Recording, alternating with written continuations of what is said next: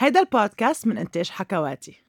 هاي جميعا بتصدقوا إنه صرنا بثالث حلقة من بودكاست خلقت بنت.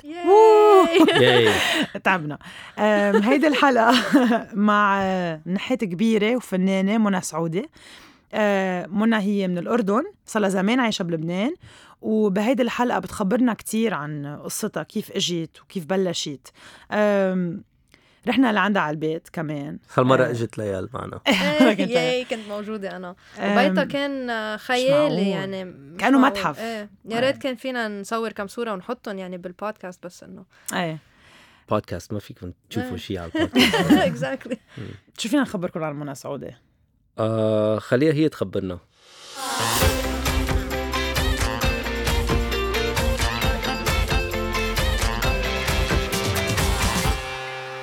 مرحبا منى. مرحبتين أهلا فيكم نتشكر كتير لأنه عزمتينا لعندك على البيت. أهلا فيكم منى نحن عادة بنحب نبلش الحلقة بنسأل أه، ضيفتنا إنه هي تعرف عن حالها بطريقتها الخاصة، فإذا فينا فيك تعرفينا عن حالك. أوه كثير صعب. أنا آم، مع الزمن صرت فنانة. مم. عندي اسم كتير كبير. صح. بس بديت هذا ب- كنت أحلم من أنا وصغيرة إنه أعمل إشي إبداعي بحياتي. إنه الواحد معطى حياة آه، فترة من الزمن وبعدين بيخلص. بس هذه الفترة شو بدي أعمل فيها؟ لما يكون صغير بلاقي أوف خمسين وستين وسبعين وإلى آخره كتير. فبدأ حلمي إني يكون آه، إنه أشتغل إشي فني. وبدأت في البدايات أكتب شوية شعر. وأرسم شوي وأنا بالمدرسة وبعدين بديت أنحت شوي واهتم بالفن وبفكر اللي عملته طول حياتي إنه حقق بعض هذه الأحلام مم. ولسه بحلم لهلا. أم، أنت طفولتك شوي مميزة كنت بعمان عايشين حد الآثار الرومانية مزبوط؟ إيه وبتقولي دايما إنه كنت تستوحي منهم كنت تمشي مسافات طويلة على المدرسة تطلعي حواليك أم، فيك تخبرينا شوي آه، يعني بالحقيقة عمان لما ولدت سنة ال 45 كانت مدينة كتير صغيرة. وبيتنا كان تماما على مدخل آه، آه، مكان أثري روماني بعمان قديم اسمه سبيل الحوريات. فيعني بس أطلع من باب البيت إذا بمشي ثلاثة أمتار أنا واقفة بين أعمدة قديمة وأشياء منقوشة وإلى آخره. وهذا كان ملعب الطفولة.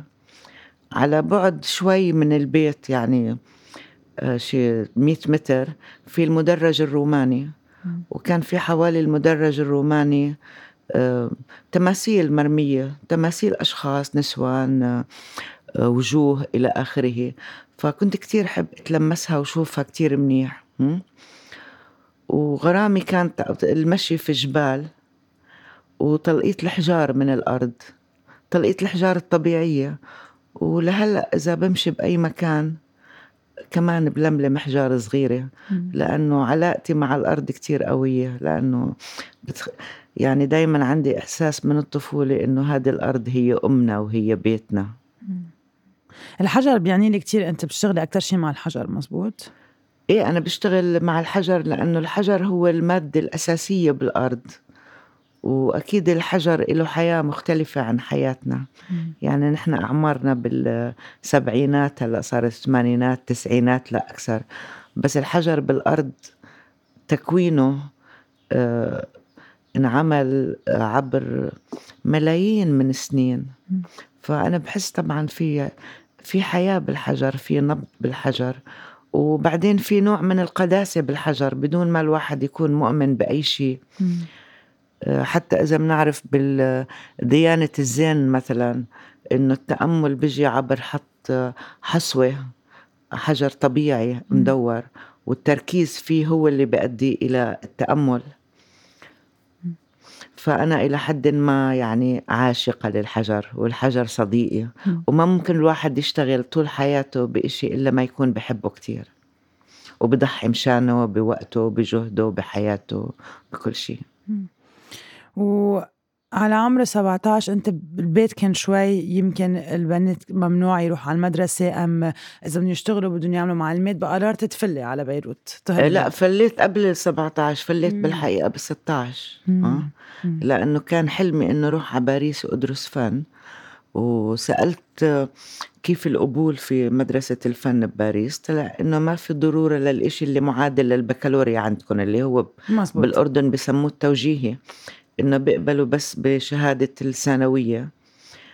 فقلت لشو ضيع كمان سنة من عمري مشان أخذ هاي الشهادة اللي ما بتفيدني. فهربت من أهلي. وكنا متعودين بالحقيقة نسافر بالسيارات من عمان لدمشق أو لبيروت مع الأهل بزيارات عادية. و... وكان تخطيطي بهداك الوقت إنه روح أوتوستوب لباريس. فنزلت ببيروت كان في بكورنيش المزرعة إشي اسمه youth hostel فرحت نزلت بال youth hostel اللي كله auto-stoppeurs لأنه كان بهداك الوقت الموضة الشباب إنه بيرحلوا بالعالم وما بيهمهم آه، لا يكونوا أغنياء ولا يعملوا business ولا شيء فقعدت بهذا ال youth hostel أول ليلة وتمشكحت ببيروت آه، طول نهار كامل هيك رايحة جاية إلى آخره. وبعدين باليوم الثاني ما لقيت إلا خيي الكبير اللي كان ساكن ببيروت. طبعا بابا قال له إنه منى هيها راحت والأرجح إنها تكون ببيروت. فلقيته عم بستناني باليوث هوستل. شو القصة؟ قلت له هيك هيك القصة طيب قال لي بالمستقبل إذا غيرتي رأيك وبطلتي بدك تدرسي فن على الأقل اعملي هيدي الشهادة اللي مثل البكالوريا. وبعدين روحي ما وين ما بدك. قلت له بس عشرت ما برجع لعمان. قال لي أوكي موافق. رحت دورت هون على مدارس اللي بيعملوا سنة آخر سنة مدرسة. طلع إنه نظام البكالوريا كتير بيختلف عن النظام بالأردن. بس لقيت بعلي بالمدرسة الوطنية. آه، في عاملين قسم اللي بيعملوا التوجيه المصري. والتوجيه المصري كتير بيشبه الأردني. فكيفت أنه بدي أطلع على علي بالجبل مدرسة داخلي يعني ما في أهل؟ وتوجيهي مصري سهل. وهيك بالحقيقة بديت. وبهذه السنة بالحقيقة حضرت كتير قليل بالمدرسة. بس ما ما ما خليت ما خليت معرض في بيروت أو منتدى فني منتدى ثقافي. إلا تعرفت عليه وبهديك الوقت بالحقيقة تعرفت على كل الفنانين اللبنانيين اللي ضلوا أصحابي طول العمر. يعني مثل بول جلاغوسيان آه، ميشيل بصبوس وإخوانه آه، حليم جرداء إلى آخره. كل الف... الشعراء أدونيس أنسي الحاج مم. وكلهم كانوا يعني معجبين هالبنت الصغيرة هذه وما كانوا يصدقوا لما أقول أنا بحلم بدي أروح لباريس يضحكوا إنه وعملت أول معرض بباري... ببيروت بال Café de la Presse مم. اللي كانت بالحمرة بمبنى جريدة النهار القديم. وساعدني كتير بهداك الوقت بول جراغوسيان وانكتب عني مقالات بالجريدة و- وبتذكر عملت حديث بإذاعة لندن? وهيك بديت بالحقيقة ونباع بعض الأعمال اللي كانت كافية إنه أشتري بطاقة آه، سفر مشان روح على باريس بس وقتها مشان يروح الواحد لمحل بيحلم فيه لازم يسافر بالبحر مش إيه. بالطيارة طيب. وهيك عملت وكانت رحلة أسطورية لهلأ بتذكرها قد إيه أخذتك وقت تتوصلي؟ رحتي على مرسي. يمكن بالأول رحت إيه يمكن أخذت السفينة حوالي سبعة أيام. تقريبا مم. وكان يوقفوا بكل إسكال مثلا واحد بالإسكندرية. آه، مرة تانية بجزيرة سيراكوز وآخر escale كان بمارسيليا. وبتذكر إني من, جزيرة سيراكوز كتبت رسالة فلسفية لأبوي عن عن مشروعي بالحياة وإلى آخره وقال بعتها. بعتها بالبريد من هنيك بفكر وصلته بعد شهرين ثلاثة. وهيك اللي بديت بالحقيقة. ومن أول ما وصلت ساعدني حليم جرداء اللي كنت متعرفة عليه هون وكان عايش بباريس والوحيد اللي كان عندي عنوانه. ساعدني أول شي لاقي أوضة بأوتيل كتير رخيصة بخمسة فرنك بالنهار.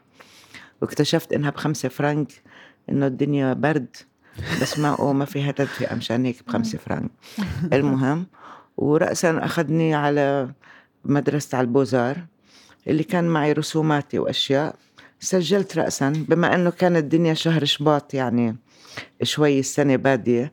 قالوا لي فيك تسجلي élève libre بتحضري كل الدروس وبتفوتي على كل ال ateliers وبتشتغلي قلت شو بدي أحسن من هيك وهيك بديت طيب أول معرض عملتيه ببيروت كان رسم ما هيك ما كنت بعد آه، إيه إيه كان رسم طبعا يعني النحت كان مم. يمكن جربته أنا بعمان لأنه ما كان في حدا يعلم ولا يعرف إنه مم. اشتغل شقفة جفصين ولا شيء بس كنت أهتم كتير إنه بحب المنحوتات مم. وكان بعمان بالحقيقة شيء ثقافيا اللي كتير فادني كان في ال British Council بعمان مم. وال British Council عندهم كبيرة مم. مم. فكنت دايما روح و آخذ كتب الفن أقرأ كتب الفن كنت مغرمة كمان بالشعر إنه. أقرأ شعر آه، إليوت مثلا و... إيه. إيه. فلما تعرفت على الشعراء العرب الحديثين قلت خي هدول بيشبهوا اليوت فهيك اللي صار حضرتك وباريس وباريس بديت بالحقيقة راسا. بديت بالنحت وكيف كانت خبرتك بباريس كتلميذة كعيشة هونيك؟ آه، كنت آه، اشتركتي بثورة الطلاب كمان ب 68 قولي ثورة الطلاب أنا رحت على باريس بال 64 ثورة الطلاب صارت ب 68 يعني كان لا طبعا باريس متحف كبير. مم. آه، متحف كبير والبوزار كان فيه تلاميذ من كل العالم يعني مش عارفة يابان وإسبان وبولونيين وروس. فكنا خاصة بالأتولية اللي أنا يعني انتميت له اللي هو الشغل بالحجر وال taille directe يعني بالإضافة للرسم يعني لأنه آه، آه، فكانوا من كل العالم وكنا هيك نوع من international society يعني? فكتير بتذكرهم وكتير كان جميل الشغل الجماعي معهم مم. وكنا أحيانا نشارك بمعارض مع بعض إيه. وقررت ترجعي على عمان أول شيء آه، بعد ما قدرت أرجع خلصت. بالحقيقة بعد ما شاركت بثورة الطلاب مهم. بال 68 وكانت تجربة كتير عظيمة يعني لأنه بي- بيحصل الواحد على وعي سياسي كتير كبير مم. من خلال هذه التجربة اللي ما دامت وقت طويل يمكن شهر أقل من شهرين تقريبا وبعديها خلص كل شيء ورجعت الأشياء للحاله الطبيعيه فحسيت بهداك الوقت إنه الثورة أو التغيير هو عملية كتير طويلة مم. و... وأحلى إنه أعيشها بالبلاد اللي أنا بنتمي لها. ف بهذا القرار رجعت وكان بالحقيقة وقتها آخر سنة اللي آه، بأيار كان لازم أتخرج فيها ب 68 بس كونه لغوا ال- البروجرام لل... بهديك السنة كان لازم يتأجل للسنة اللي بعديها. فقررت إنه سافر ومش فارقة معي لأنه تعلمت إنه الشهادات مش مهمة اطلاقا. وعلى هذا الأساس طبعا كان هون بالبلاد بادية الثورة الفلسطينية خاصة بالأردن. فقررت إنه أرجع لعمان وأبدأ أول شيء إنه أشتغل مع الأولاد الصغار. اللي بالمخيمات الفلسطينية. وكانت كمان تجربة كتير حلوة. اللي الأولاد الصغار رسموا أشياء هالقد مهمة وجميلة وكانوا يعطوا أحاديث كتير حلوة مش عارفة بالسياسة بالحياة بتجربة الحرب. اللي نتيجة هذه التجربة قررت أعملها بكتاب اللي هو اسمه شه... طلع شهادة الأطفال في زمن الحرب. وجيت على بيروت مشان أطبع الكتاب وكمان جرب بيروت. وهيك قررت إنه استقر ببيروت. إيه ليه ما مثلا ليه قررت تستقري هون مش بعمان؟ بعمان كان لسه الحياة الثقافية والاجتماعية كتير ضيقة ها.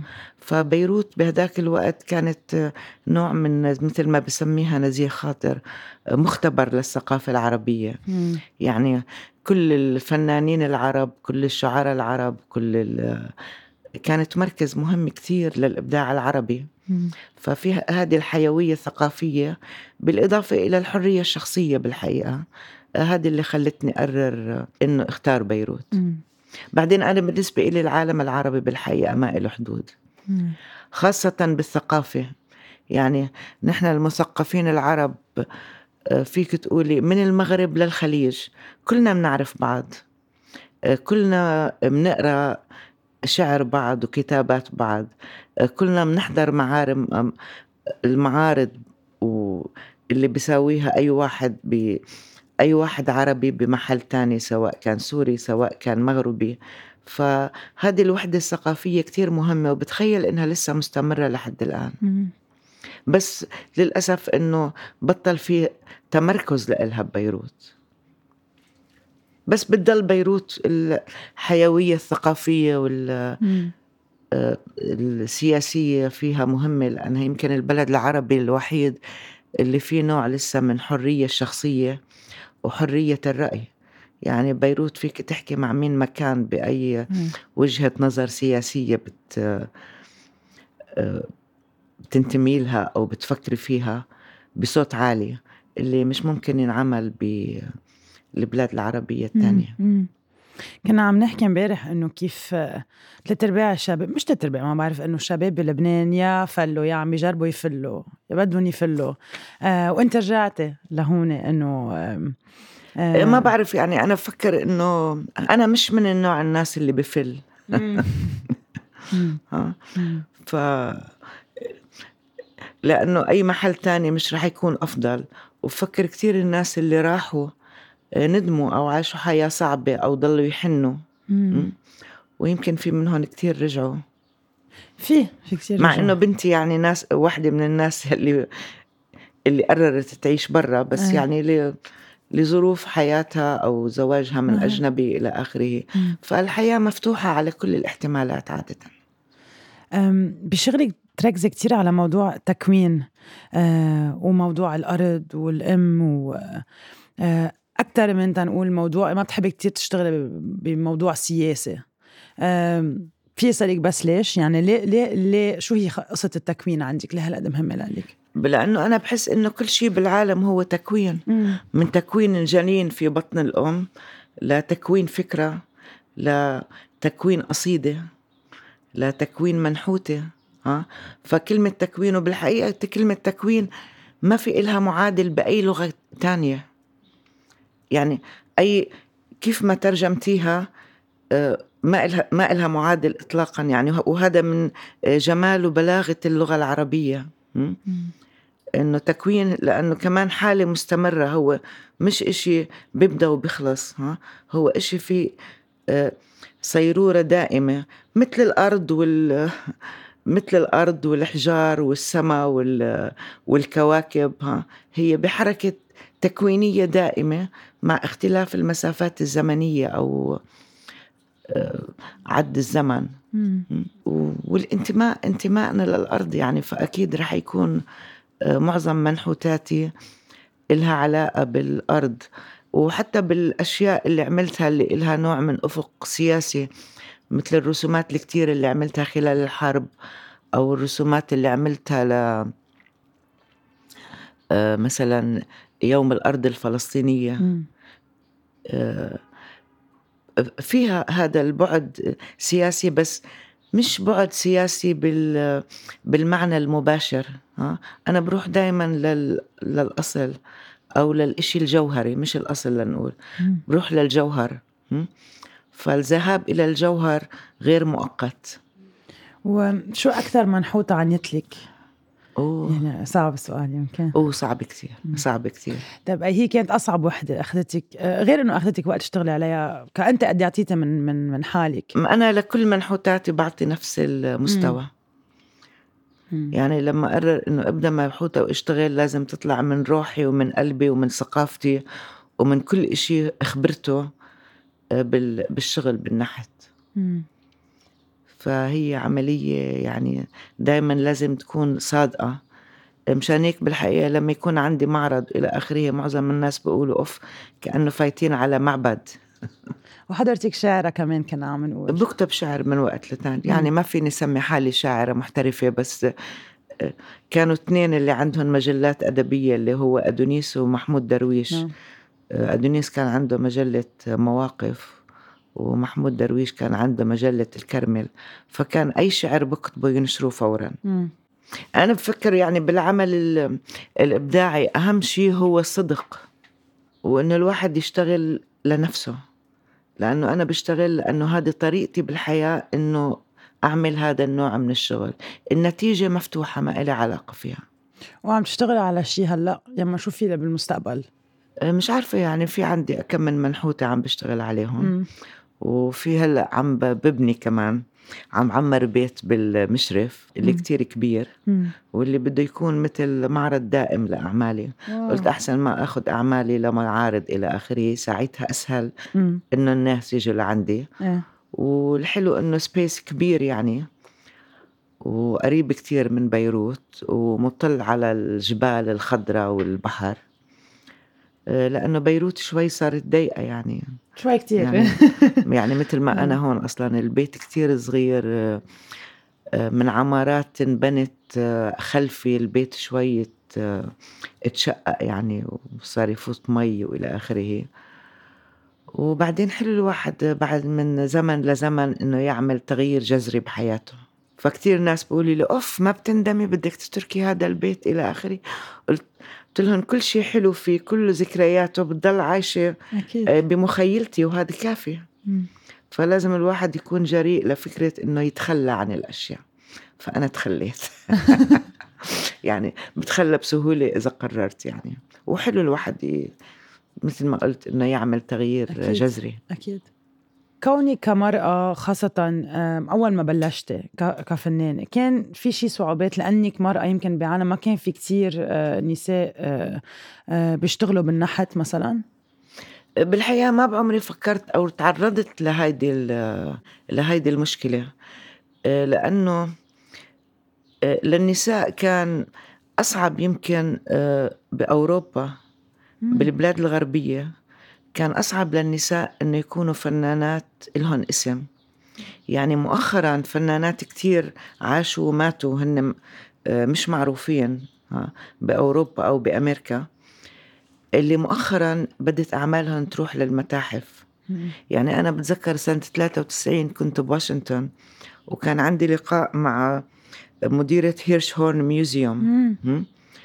آه، وتفاجأت إنه أعمال مثلا فنانات كتير آه، صاروا بعدين مشهورين لهداك الوقت ما كانت أعمالهم داخلة بالمتاحف الأمريكية كتير منهم انشهر أزواجهم مم. واللي هن ال- المرة هي اللي كانت مخترعة ال style وال- والقفزة بالفن؟ بس اللي طلع اسمه هو كفنان كبير هو زوجها مش هي مم. فأنا تفاجأت بهداك الوقت إنه حتى بالغرب كان هيك بالعالم العربي بالحقيقة أنا ما بعمري حسيت هذا الشيء لأنه لما بدت الحركة الفنية بالعالم العربي آه، سواء بالعراق بالأردن بالمغرب آه، بالسعودية حتى كان في دايما فنانات وفنانين ها؟ وكانت أعمالهم تعرض على نفس المستوى ودخلت المتاحف بنفس المستوى وأنا كنت لاقي كل تقدير يعني لما أروح على مطار يقولوا لي شو بتشتغلي؟ بقول لهم نحاتي أف ها إعجاب يعني. مم. فما كان في هذه المشكلة بعالمنا العربي. يعني أنا بتذكر مرة قريت كتير تأثرت. آه، قريت مذكرات آه، كامي كلوديل. اللي كانت تشتغل مع رودان ها. مم. ورودان ما اشتغل حجر إطلاقا. فكل المنحوتات ال- الرخام عند رودان هي كامي كلوديل هي اللي نحتتهم آه والله. ها؟ ما كنت وما كان عندها اسم بالمرة. وفكر وهي وبدت كتير صغيرة. آه، بعدين سنة يمكن 2013 أهلها غضبوا عليها لأنه كانت مرة كتير متحررة. م? وحطوها ب آه، هيدا بملجأ للعجزة أو للمجانين. ها؟ وهذه المرة عاشت حربين عالميتين. بهذه الملاجئ وكانت بالملاجئ في الكتاب اللي لقيته عن آه، مذكرات مش مش مذكرات يعني حول أعمالها مم. إنه كانت تترجى أهلها يرجعوها على البيت بس مشان تتدفى? إيه. وأخوها كان كاتب كتير مشهور بول كلوديل فالشخص اللي عمل الكتاب عنها كان بالصدفة رايح يعمل بحث عن بول كلوديل فلما راح عند بيت العائلة وطبعا فتحوا له المخازن والأرشيف والورق آه، صار يلاقي بين الورق هذا الرسائل اللي كانت تكتبه كانت تكتبها آه، من ال- من الملجأ لأهلها ها؟ فقرر إنه يعمل الكتاب عنها. مم. وأنا كتير تأثرت إنه هايدي باريس بالقرن العشرين اللي كانت آه، بلد متقدمة حرية إلى آخره آه، اللي كان كل الحركات الفنية الحديثة عم تطلع منها إنه وحدة من هذا النوع انسجنت تقريبا لحتى توفت سنة ال 56 أو 57 قلتيها بعتقد مرة إنه نحن مش ضروري نلحق الغرب والطريقة اللي هن بيشتغلوا فيها نحن عنا طريقتنا كالعالم أكيد، العربي. أكيد أكيد. هلأ في عالمية بالفن يعني بيختلف يعني بفترات الخمسينات والستينات يعني نحن عنا أصلا الفن الغربي الحديث التجريدي آه، عملوا تجريد لما رجعوا للمفاهيم الشرقية بالفن إنه تحرروا من إن الفن يكون تقليد للطبيعة كان أو إعادة خلق أو تكسير أو شيء من هالنوع. فنحن بننتمي آه، لحضارات كتير عريقة اللي هي من أقدم الحضارات بالعالم وهذه الحضارات عادة آه، حتى لو نحن منعيش بهذا العصر بضل في إشي من تكوينها بذاتنا التاريخية أو بذاتنا الحضارية فبفكر معظم الفنانين العرب بدوا من هذا المنطلق. واللي كان كتير يأكد على هذه الفكرة آه، اثنين مثلا جواد سليم بالعراق وبول جيراغوسيان بلبنان. اللي كانوا طبعا من أول ناس بدوا الفن وبالنحت كان ميشيل بصبوس طبعا رائد بهذا الفن. وأنا متشكره كثير لوقتك. رح رح ننهي حلقتنا بكم سؤال بنحب تجاوبينا عليهم؟ أسرع ما فيك. يعني اول أول جواب بيجي على راسك تقولي ما معي. في لا بشوف أنا ما بحب كتير هذه الأسئلة بس يلا جربي. منجرب. أم، شو أحلى محل رحت عليه بحياتك؟ آه أحلى محل. مم. آه. آه لا كتار كتار. فيك تسمي لنا كذا واحد مش مش آه بتذكر مرة عملنا رحلة من بالسبعة وثمانين آه من كنا بزيارة لليمن آه من صنعاء لمأرب وحس وكان ال... كل شيء بديع بال بهذه الرحلة. مؤخرا صحت لي رحلة نهار واحد لمدائن صالح بالسعودية. وكانت كمان ليوم واحد بس يوم تاريخي لأنه يعني عشت المنطقة اللي كانت نبتت فيها الحضارة النبطية. مم. ومن أجمل المحلات كمان الباركس بلندن. إيه مزبوط. وكتار بالحقيقة. مم. كتار. مم. لأنه كل كل مكان له جماله الخاص والمختلف عن الثاني فما بعرف جاوب أسئلة مختصرة يعني. إيه معلش. إذا فيك تتعشى مع شخصية تاريخية مين بتنقي تعشى معه ام معها حالة شخصية تاريخية بتعني لك؟ ما مش عارفة.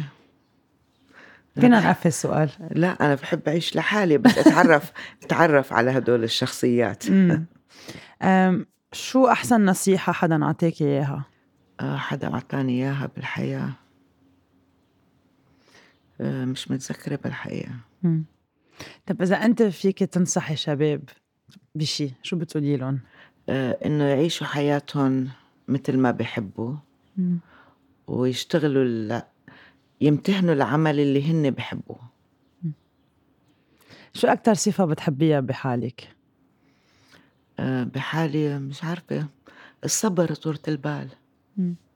والتأمل شو أحلى ذكرى من طفولتك؟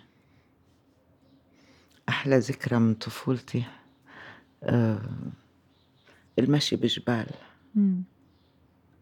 منى شكرا كتير لوقتك. كتير انبسطنا بالحديث معك أهلا فيكم. شكرا لأنه عم تسمعونا. ما تنسوا تعملوا لنا like و subscribe نحن على فيسبوك وعلى انستغرام و please please please ضلكم عم تعملوا لنا comments كثير عم ننبسط فيهم. يعني مش كلهم tip of the day آه إيه ما تنسوا آه بس تفلوا من البيت تطفوا الأضوية وال TV والغسالة والمايكروويف وكل الأشياء انه طفوا كل شيء. وفروا كهرباء يعني ومي. باي باي باي